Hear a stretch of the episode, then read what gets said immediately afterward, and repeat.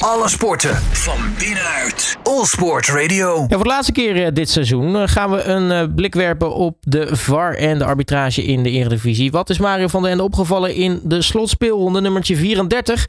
En wie mag zich kronen tot bij VAR de beste scheidsrechter van de week en uiteindelijk natuurlijk ook van het jaar? We gaan het aan hem vragen. Mario, hele goedemiddag. Ja, goedemiddag Robert. Um, ja, allereerst de laatste speelronde. De Eredivisie is nu voorbij. Maar wat is jou afgelopen weekend opgevallen eigenlijk? Ja, uh, als je, qua arbitrage en, en VAR. Uh, ja, eigenlijk maar twee dingetjes. Dus het was uh, wat dat betreft een, een vrij rustig weekend. Dat heeft waarschijnlijk ook te maken dat er een paar wedstrijden bij waren. Ja, die om des keizers buiten gingen. En, ja, en na de commotie van, van vorige week bij, de strafs, bij die absurde strafschop bij Feyenoord PSV en dat verkeerde lijntjes trekken bij PEC Zwolle tegen Utrecht. Ja, dat kon ons haast niet minder. Maar uh, toch nog twee dingetjes die, uh, ja, die in ieder geval positief uh, wat betreft de VAR waren. Dat was de wedstrijd PEC Zwolle PSV. Daar werden twee doelpunten afgekeurd van Castaneer en een keer van Bruma. Die ja, of de 2-1 of de 1-2 scoorden. Maar beide keren vanuit buitenspelpositie. Nou, dat blijkt in ieder geval als je ook bij Zwolle de lijntjes goed trekt. Dat het in ieder geval wel goed uitgevoerd kan worden. Dus uh, wat dat betreft werden die doelpunten terecht uh, geannuleerd. En toen was er een hele opmerkelijke situatie waar ik nog steeds hoop dat, dat de KNVB daar misschien nog eens een keer uitsluitsel over gaat geven. Was de wedstrijd Heracles-Sparta een overduidelijke ja, balcontact met de arm van, van Meijers, de linksback van, van Sparta. Uh, er werd door de VAR en door de, de VAR, in dit geval Blom, die al bijna een heel seizoen uh, geblesseerd is.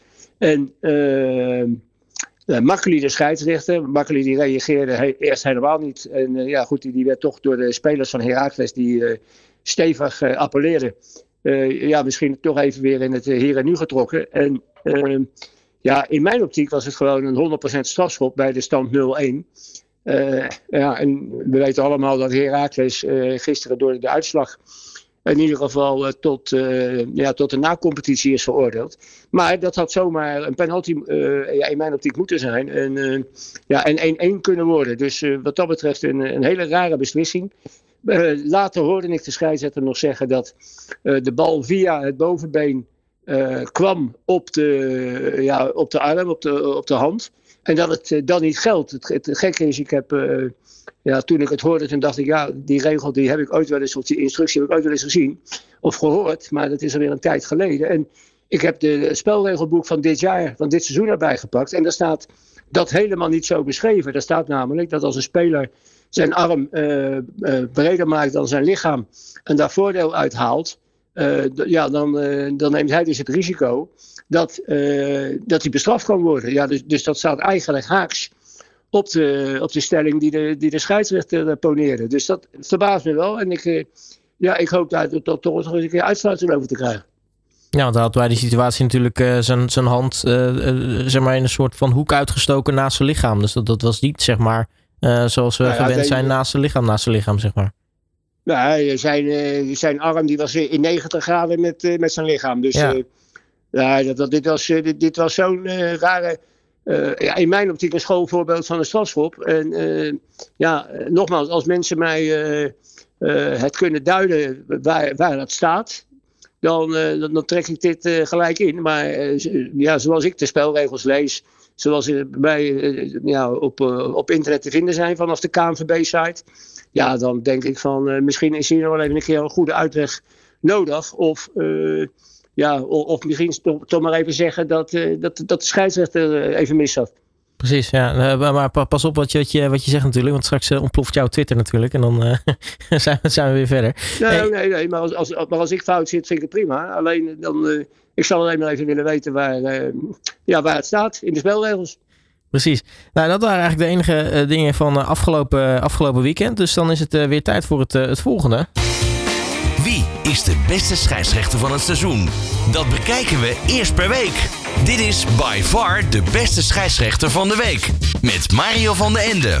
Ja, Mario, eh, de laatste speelronde nummertje 34. Um, is een interessant als het gaat om uh, wie zich uh, by far de beste scheidsrechter van de week mag noemen.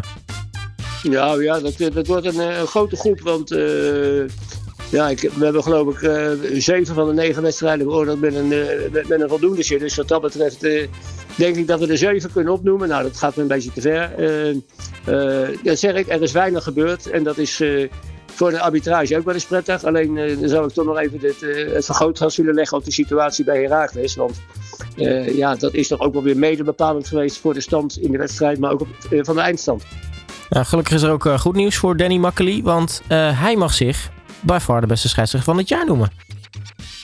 Ja, nou ja, goed. Uh, ondanks die laatste wedstrijden in mijn optiek uh, toch uh, ja, een beetje ongeïnteresseerd. Een beetje, ja, het, het, het, lijkt wel of hij ja, gewoon elke wedstrijd toch wel een paar keer in de problemen komt. Dat hebben we op Europees niveau gezien. Dat zien we ook de laatste wedstrijden.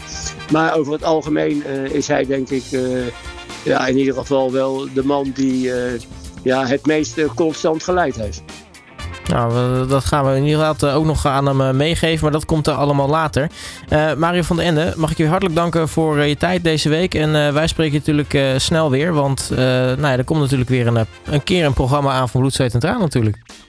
Ja, dat is volgende week vrijdag. En dan gaan we voor het eerst aandacht besteden aan cricket. Dan heb ik de oud Cricket International Tim de Leden te gast. En ja, ik vind het altijd wel leuk. We hebben vorige keer met een schermster gesproken. Dat was ook voor mij toch wel een openbaring. Dus ik hoop dat, uh, dat Tim als uh, oud cricketer mij ook weer toch een beetje mee kan nemen in die, in die sfeer van het cricket. Want uh, ja, daar ben ik niet zo helemaal bekend. Ik heb wel eens wat wedstrijden gezien. Maar ehm, de mensen die het spelen, die zijn er allemaal lovend over. Dus ik, ik ben benieuwd of hij ook... die positiviteit in ons programma kan brengen volgende week vrijdag. Nou, ik ben benieuwd. We gaan het meemaken. Maar dankjewel en spreek je natuurlijk dan volgende week vrijdag weer. Graag gedaan. Alle sporten van binnenuit. All Sport Radio.